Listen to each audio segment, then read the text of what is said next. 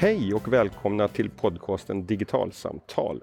Jag heter Anders Thoresson och sitter idag på Högskolan Väst där det är ett halvdagsseminarium om datorspelande och det som sedan ett år tillbaka drygt beskrivs som gaming disorder utav Världshälsoorganisationen. Och jag hälsar Jenny Rangmar välkommen till podden. Tack, hej! Hej! Du är doktor i psykologi och forskare vid eh, FoU i Väst på Göteborgsregionen. Eh, som är, Göteborgsregionen är ett kommunalförbund för eh, kommuner kring kring Göteborg, Storgöteborg. Ja, ehm, och du fick i, tillsammans med Sara Tomé som är forskare vid psykologiska institutionen på GU ja. i uppdrag av Länsstyrelsen i Västra Götalandsregionen, Västra Götaland, ja. att, att göra en forskningsöversikt kring, kring eh, problematiskt spelande och gaming disorder. Exakt, ja det, är, precis. Det, det blir den korta introduktionen. Ja, precis. Um, för, för det här med gaming disorder och, och, och problematiskt datorspelande det är någonting som WHO, WHO skrev in i sin eh, diagnosmanual ja.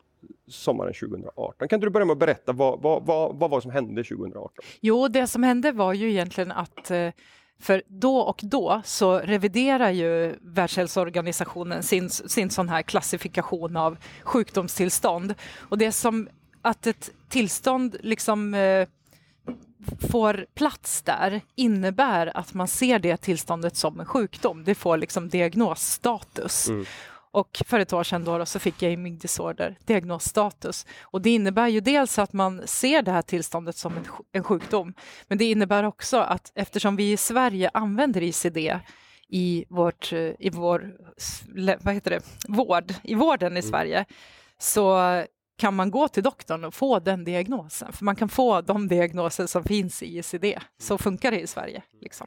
Och då ska vi konstatera med en gång här också att, att vi pratar om gaming disorder på engelska här beror på att det finns ingen svensk översättning Exakt. på begreppet än så länge. Och då har det i sin tur att göra med att eh, att översätta ICD, det är ett jättejobb. Så man tror liksom att den kommer vara översatt om så fem, sex år. Alltså det är så mycket att översätta. Och för att inte hamna fel bland vad diagnoser ska heta och så där, så bestämde vi oss för att fortsätta att kalla den här diagnosen för det engelska ordet, mm. för att inte vi ska säga fel. Och sen visade det sig att den får heta någonting annat. Mm. Men en forskningsöversikt fick du och Sara i uppdrag att göra. Va, ja. va, va, vad innebär det att göra en forskningsöversikt? Om vi bör... Ja, det innebär ju att man, man, kan göra det på lite olika sätt, men vi började med att göra en systematisk litteratursökning som vi fick hjälp av universitetsbibliotekarier att göra. Och det man gör då är att man väljer ut sökord som ringar in de frågor som man har som man vill få besvara med hjälp av publicerad forskning. Mm. Och Uh, utifrån de sökorden så gjorde vi sökningar i databaser och då fick vi träffar på ungefär 5000 publicerade vetenskapliga artiklar som man utifrån sen då vissa inklusions och exklusionskriterier så väljer man ut vilka artiklar man ska använda för att besvara de frågor som man har. Så det handlar inte om att man gör egen forskning utan man kondenserar den forskningen som redan är gjord? Exakt, precis. Och fördelen med att göra en sån sak det är ju att man drar nytta av en massa kanske mindre studier från olika delar av världen mm. som en och en inte är så liksom alltså i, varje studie kanske inte är robust nog för att man ska kunna dra vettiga slutsatser ifrån just den. Men tillsammans så gör ju flera studier att man kan säga, jo men vi kan nog säga att det ligger till på det här viset mm. kring den här frågan. Mm. Så det är, det är ett väldigt bra sätt att använda. Det blir som att man lägger samman all forskning. Liksom. Och lägger det stora pusslet. Precis, det är väldigt, eh, väldigt trevligt sätt ja. att använda forskningen tycker jag. Uh, du, du sa att när man gör den här typen av litteratursökning så, så gör man utifrån ett antal frågeställningar. Vilka, ja. vilka frågeställningar är det som, som ni baserade ert arbete på? Ja, dels så ville vi veta mer då. Vad, vad är det här för diagnos? Vad finns det för diagnoskriterier? Så att uppdraget kom efter det att eh, WHO skrev in det här, så att det var en Absolut. reaktion lite grann på, ja. på det? Yes. Eh, Lennart som, är, eh, som jobbar på Länsstyrelsen, han var väldigt, eh, han fattade att eh, det här skulle innebära eh, att många fick frågor kring det här eftersom det infördes i ICD. Så han tänkte att det är nog smart att sammanfatta, sammanfatta forskningen kring det här då. Mm. Eh, jo, precis. Så vi visste att diagnosen var införd i ICD-11. Så vi ville veta mer om diagnosen. Vi ville veta så här, jaha, men vem är det som är den problematisk eller den med problematiskt spelande? Eh, och vad finns det för liksom, samband med andra livsfaktorer för den som spelar mycket och vad finns det för typ av förebyggande insatser och behandling. Mm. Så det var våra ursprungsfrågor. Har man också en tanke på vem, vem det är man kommer vända sig till med liksom den, den färdiga forskningsöversikten? Så, ja. så Målgruppen för den här kunskapsöversikten var lärare, föräldrar, vårdpersonal, kanske särskilt så skolhälsan. Men vi tänkte nog också att precis vem som helst skulle kunna läsa den här. Det, vi hade också fokus på barn, unga och unga vuxna. Mm. Så det tänkte vi också, det finns många liksom oroliga föräldrar eller anhöriga på annat sätt, lärare och så, som, som nog undrar. Liksom. Mm. Men om vi då ska börja gotta ner oss i liksom det som antagligen lyssnarna kommer vara intresserade av. Här. Vad, vad går det att hitta om, om, om spel och problematiskt spelande och hela vägen upp till, till diagnosen gaming disorder? Vad, vad, vad vet forskningen om det här? Ja, det är ju en jättefråga. det finns väldigt mycket forskning. Tyvärr är det så att Eh, kanske beroende på att det hittills inte har funnits en diagnos som alla har kunnat liksom studera utifrån, så är det väldigt spretigt vad man egentligen har undersökt. Så att det vi märkte när vi började läsa fulltexter i de här många artiklarna, det var att ibland hade man som rubrik skrivit att nu har vi sett här att har man, uh, har man gaming disorder då är man också deprimerad ofta, kanske någon studie sa. Men sen när vi tittade på så här, vilka har ingått i gruppen som de säger har gaming disorder, så var det kanske inte personer som nu när vi har diagnosen i ICD egentligen hade kunnat få den diagnosen. Förstår du? Mm. Eh, Därför att det var vad de be betecknade på, på, den tiden, den forskargruppen Precis. som gaming disorder, men Precis. det stämmer inte överens med vart vi är nu. Mm. Precis, mm. så därför så har vi förstått att den här forskningen är väldigt spretig och det har emellanåt känts ganska frustrerande, för det har känts som en det, det, blir väldigt oenhetligt. Det är svårt att jämföra äpplen och päron och mm. säga liksom hur de ska smaka. Mm. Och nu inser jag när, när jag ställer frågan och du börjar svara på den att jag hoppar nog för fort här, för vi skulle börja först prata om vad, vad är det egentligen WHO menar med gaming disorder? Ja, ja, just det. Jo, de menar ju så här att en person som ska kunna få diagnosen mm den ska uppvisa ett ihållande mönster av spelbeteende och det är ganska viktigt med den formuleringen för att det här är ingenting som en person bara ska hålla på med i en vecka eller så, utan det här ska hålla i sig över tid och det ska vara i minst ett år. Mm eh, där man ser att spelandet tar överhanden över livet och att personen blir som en slav under spelandet och kanske struntar i att gå till skolan eller struntar i sina aktiviteter och struntar i vänner och familj och kanske så här, slutar äta och tvätta sig. Mm. Alltså verkligen där spelandet tar över. Mm. För, för, som jag har förstått det när jag läst och även när jag lyssnade på dig nu eh, eh, innan här att, att tid som man lägger på spelandet är absolut en aspekt i det hela. Ja. Och, och föräldrar som, som kommer till mig och när jag är ute och föreläser och till dig garanterat också och är oroliga för att deras barn lägger så mycket tid på spel. Ja. Men det räcker inte här för att man ska få en, liksom, vad en liksom, diagnos, en gaming disorder, bara att man, man spelar mycket. Precis. Eh, det, det, står i den här kunskapsöversikten att eh, en person som spelar mycket behöver inte ens ha liksom, problem med sitt spelande. Men har man problem med sitt spelande och har man gaming disorder då spelar man mycket. Så tiden är en aspekt, men det är inte, liksom, det är inte ens ett eh, diagnoskriterium. Nej. Okay. Så vilka är diagnoskriterierna? Då? Ja, men det är det som jag sa, mm. tyvärr mm. lite luddigt. Mm. Men det är när spelandet har tagit överhanden och mm. liksom konkurrerat ut annat ja. i livet. Och, och, där man, och då konkurrerat ut annat som, som är viktigt, ja, hygien, precis. sociala relationer, Exakt. sömn och så vidare. Precis. Ja, okay. Men det innebär att, att som, som läkare, om vi nu liksom fortsätter den här tanken att, att, nu skulle man kunna gå till en vårdcentral mm. och få diagnosen ja. gaming disorder. Ja. Det innebär att en läkare kan inte ta motsvarande till ett blodprov och, och, få reda på det, utan det här är liksom en, en anamnesen när man, när man för en dialog med Precis. förälder och barn då, så man kan komma fram till det här. Precis, då får man liksom ställa frågor. Så här, ja, hur mycket spelar du och går du ändå till skolan och sköter du ditt skolarbete och tvättar du dig och äter och liksom träffar du dina kompisar om du har bestämt att du ska göra det och så. Mm. Och om den här personen då inte gör det utan har liksom struntat i allt och bara spelar, då är det kanske risk. Mm. Det... Men, men då har jag också förstått att, att där är vi då i nuläget att, att vi kan ställa diagnosen. Mm. Men vi, vi, sjukvården har inget svar på egentligen hur ska vi behandla den här diagnosen. Nej, precis. Uh, och återigen då, då, att vi i kunskapsöversikten säger att det finns inga tydliga, liksom, det, fi det, det, finns ingen tydlig metod som man vet fungerar att behandla de här personerna med.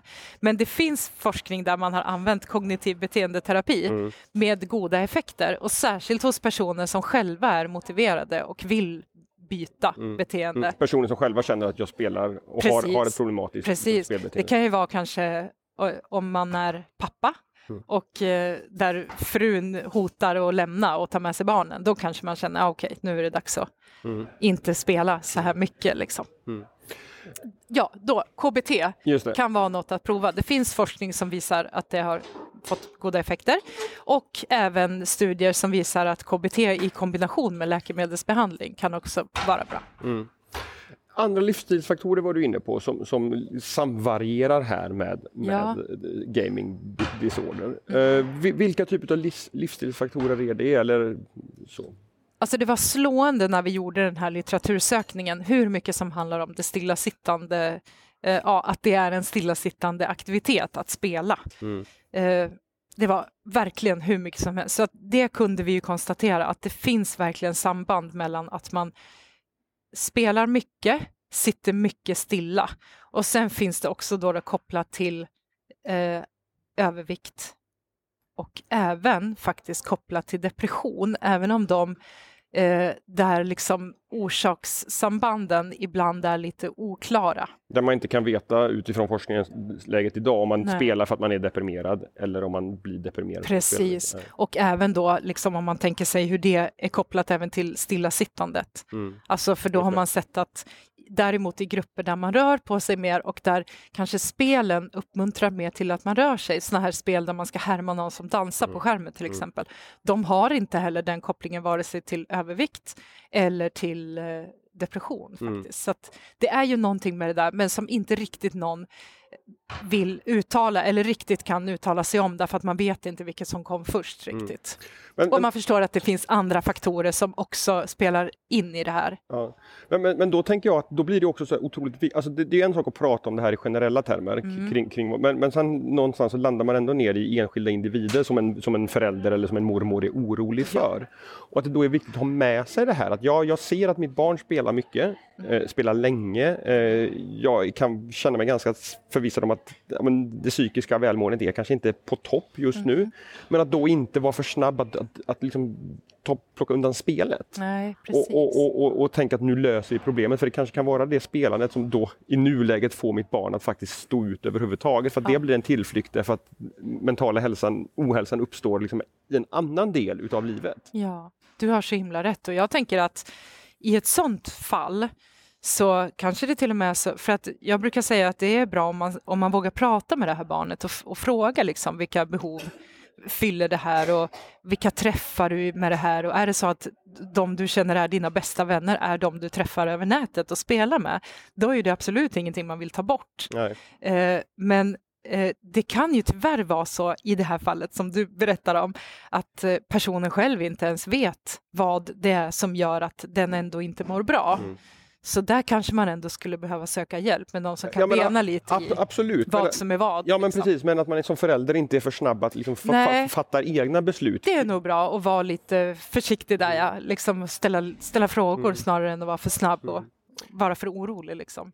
För, för, du skissar också eh, i, i, din föreläsning på, på liksom vad som, vilka typer av spel som mm. kan, kan orsaka det här problematiska spelandet. Nej, det sa jag nog inte. Det sa du inte kanske? Nej. Men jag sa nog att det finns vissa spel där man, där man har sett att personer med gaming disorder, det är de de oftare spelar. Just det, så. Ja. Mm. det är liksom lite är skillnad. Ja, det är jätteviktigt. Ja. Uh, men, men, men där, och där, där återkommer ju, uh, eller online-spel med, med, med, sociala inslag ja. är ju en sån typ av spel. Och, och, och, det tycker inte jag är konstigt. Inte jag heller, Därför att, inte ett. Alltså, det är ju inte mer märkligt än att, att, att en, en tonåring håller på med en lagidrott i övrigt, om man bara, så länge det inte liksom trillar över. Men, men liksom du, du kan ju ha en, en, en tonåring som, som lägger alldeles mycket tid på fotbollsplanen också Absolut. och negligerar skolgången och är ute sent på kvällarna. Och så. Precis, precis. Eh, man ska verkligen inte underskatta den där sociala dimensionen. Eh, jag pratade just med en som som när, när han fick höra att jag håller på med det här mm. så liksom sken han upp och berättade att han spelar jättemycket och han har så fru och barn men spelar fortfarande mycket. Och han berättade att alla hans kompisar, hans närmsta vänner, de har liksom flyttat ut och bor på olika platser i Sverige. Mm. Och deras sätt att fortsätta att umgås, det är för att de spelar tillsammans och det är jätteroligt. Mm. Så man, ja, som sagt, den sociala dimensionen kan inte underskattas. Nej. Men, på gott och ont. Nej, precis. Eh, men, men, men du börjar ändå med att lägga upp en, en, en bild på ett knallrosa Donkey Kong Game ja. Watch från 80-talet och ja. konstatera att det här är definitivt inte Nej, precis. ett, ett, ett högriskspel. Nej, precis, va, precis. Va, va, vad kännetecknar ett, ett lågrisk respektive ett, Ja, men precis. Jag, jag, tyckte att det var roligt att ta med det för att man säger så här, ett högriskspel, det är ju sådana spel med mycket så visuella och auditiva effekter. Att de är väldigt liksom känslomässigt engagerande. Det, Donkey Kong är ju inte riktigt det. Man liksom gör samma sak ganska länge. Det blir, finns liksom inte riktigt ganska någon, repetitivt. Ja, precis. Mm. Det, det, är inte riktigt någon utveckling. Eh, men sen är det det här att man eh, om man säger högriskspelen, det är ju att man spelar över internet tillsammans med andra och att eh, i det ligger den här motivationen också. Att det här eh, att fortsätta behålla sin status i spelarvärlden och att, inte kunna, att det finns som ett slags grupptryck. Man vill inte svika laget genom att stänga av och gå och lägga sig eller stänga av och gå till skolan eller vad det kan vara. Eh, att det också skapar liksom en, en, motivation att man fortsätter fast man ibland kanske känner att man borde sluta mm. till exempel. Mm. Uh det har kommit en del kritik också mot att Game Disorder åtminstone redan nu kommer in i ICD. Kan, kan du sammanfatta lite grann vad, vad liksom kritikerna har, har, slagit ner på? Ja, det man tycker då, då det är att dels att de här diagnoskriterierna är lite vaga och att det, alltså den, de studierna som kriterierna bygger på i sin tur är ganska otydliga. Um, ja, så det är väl det.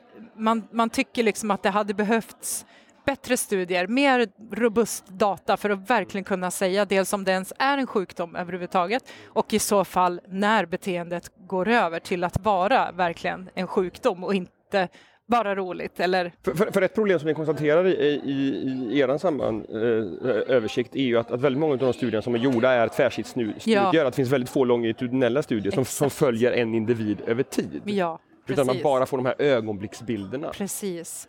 Eh, kan, du, kan, du, inte börja med att förklara vad, vad är skillnaden på en tvärsnittsstudie jo, och en longitudinell studie? Jo, en tvärsnittsstudie, då tar man en, en grupp just nu och så tittar man, om vi säger att vi har 100 personer och så hittar man att 20 av dem har eh, ett problematiskt datorspelande och så tittar man så här, kan det vara så att de i så fall mår dåligt på något sätt av att de har gaming disorder, ja då ser vi att jo men de, där i den lilla gruppen då var det också van, mer vanligt förekommande med depression än i den andra delen av gruppen där, där folk inte spelade så här mycket.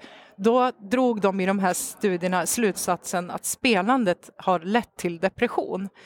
Eh, medan vi tycker då att en sån studie kan inte visa det eftersom det är en tvärsnittsstudie. Den kan visa på ett samband men inte korrelation, eller korrelation men inte kausalitet. Precis, man kan inte, för att kunna säga vad som var hönan och vad som var ägget, alltså vad kom egentligen först? För man skulle ju kunna tänka sig att om man eh, mätte en grupp över tid, mm. då hade man kunnat se kanske att personer som mår dåligt och som kanske ofta känner sig ensamma och så, söker sig till datorspelsvärlden för att den är attraktiv på många sätt. Mm. Och då misstar man ju, då är det ju kanske depressionen som kom först och spelandet sen. Mm. Så då är ju inte depressionen ett symptom Nej. på spelandet. Nej. Eh, för de allra flesta är spel något roligt sa du? Ja. Va varför är det viktigt att, att, att poängtera i det här sammanhanget? Men jag tänker kanske att man, eh, jag tänker i alla fall att om man är en orolig förälder så kan man vinna på att inte liksom tro att spelande på alla sätt bara är dåligt och att det bara är eh, ett riskbeteende som ens barn har, mm. utan att man ska våga tänka att det kan vara någonting väldigt bra och väldigt roligt och mitt barn kan hålla på ganska mycket med det. För det är inte det som är risken, utan det jag ska titta efter är någonting annat. Jag kanske ska titta så här, hur mår mitt barn och sköter den ändå skolan och mm. är med sina att, kompisar. Att, att, inte fokusera på spelandet i sig utan på hur, hur fungerar barnet utanför spelandet? Ja, mm. jag skulle nog säga det och gärna om man kan försöka undvika att det blir liksom en konflikt. Jag vet mm. att det föräldrar kommer hata mig för att jag säger så. för jag har också förstått att väldigt många har konflikter runt precis det här. Men, men kanske kan konflikten bli lite mindre i alla fall om man vågar prata om det och se nyanser i det. Och jag tror att om man läser den här kunskapsöversikten så kan man också bli bättre på att se att det finns nyanser i det mm. så att man inte bara blir rädd för någonting som känns stort och farligt och okänt. Liksom. Eh, I intervjuer som jag har gjort med, med, med, forskare i andra sammanhang, bland annat om, om, om barns användning av sociala medier och så vidare, så, ja. så, så, så, ett råd som, som kommer från liksom de forskningsresultaten är att man som förälder ska visa ett, faktiskt ett intresse för vad barnen håller på med för att därmed liksom skapa en dialog kring, kring aktiviteten mm. och som vuxen få en bättre förståelse för vad är det egentligen som händer på din skärm. Mm. Eh, I, i, I de artiklarna som, ni, som har ingått i, i, finns det någonting som, som handlar om just liksom den här relationen mellan, mellan den vuxna vårdnadshavaren och barnen som, som, som stödjer det resonemanget även kring spelande? Eh, nej, vet du, jag tror inte att jag har läst någonting om det, men jag tycker att det låter som ett så generellt gott råd. Ja, men absolut. Mm.